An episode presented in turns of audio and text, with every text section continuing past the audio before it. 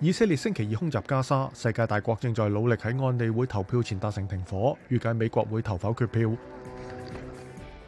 经过几个月嘅战斗，乌克兰东部城市阿夫迪夫卡被俄罗斯占领。俄军星期一话消除咗喺阿夫迪夫卡间工厂嘅最后抵抗。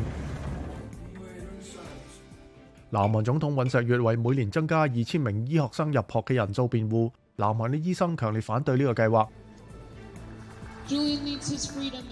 维基解密创办人阿桑奇星期二因病缺席伦敦法庭嘅聆讯，呢个系佢反对引导到美国嘅最后上诉。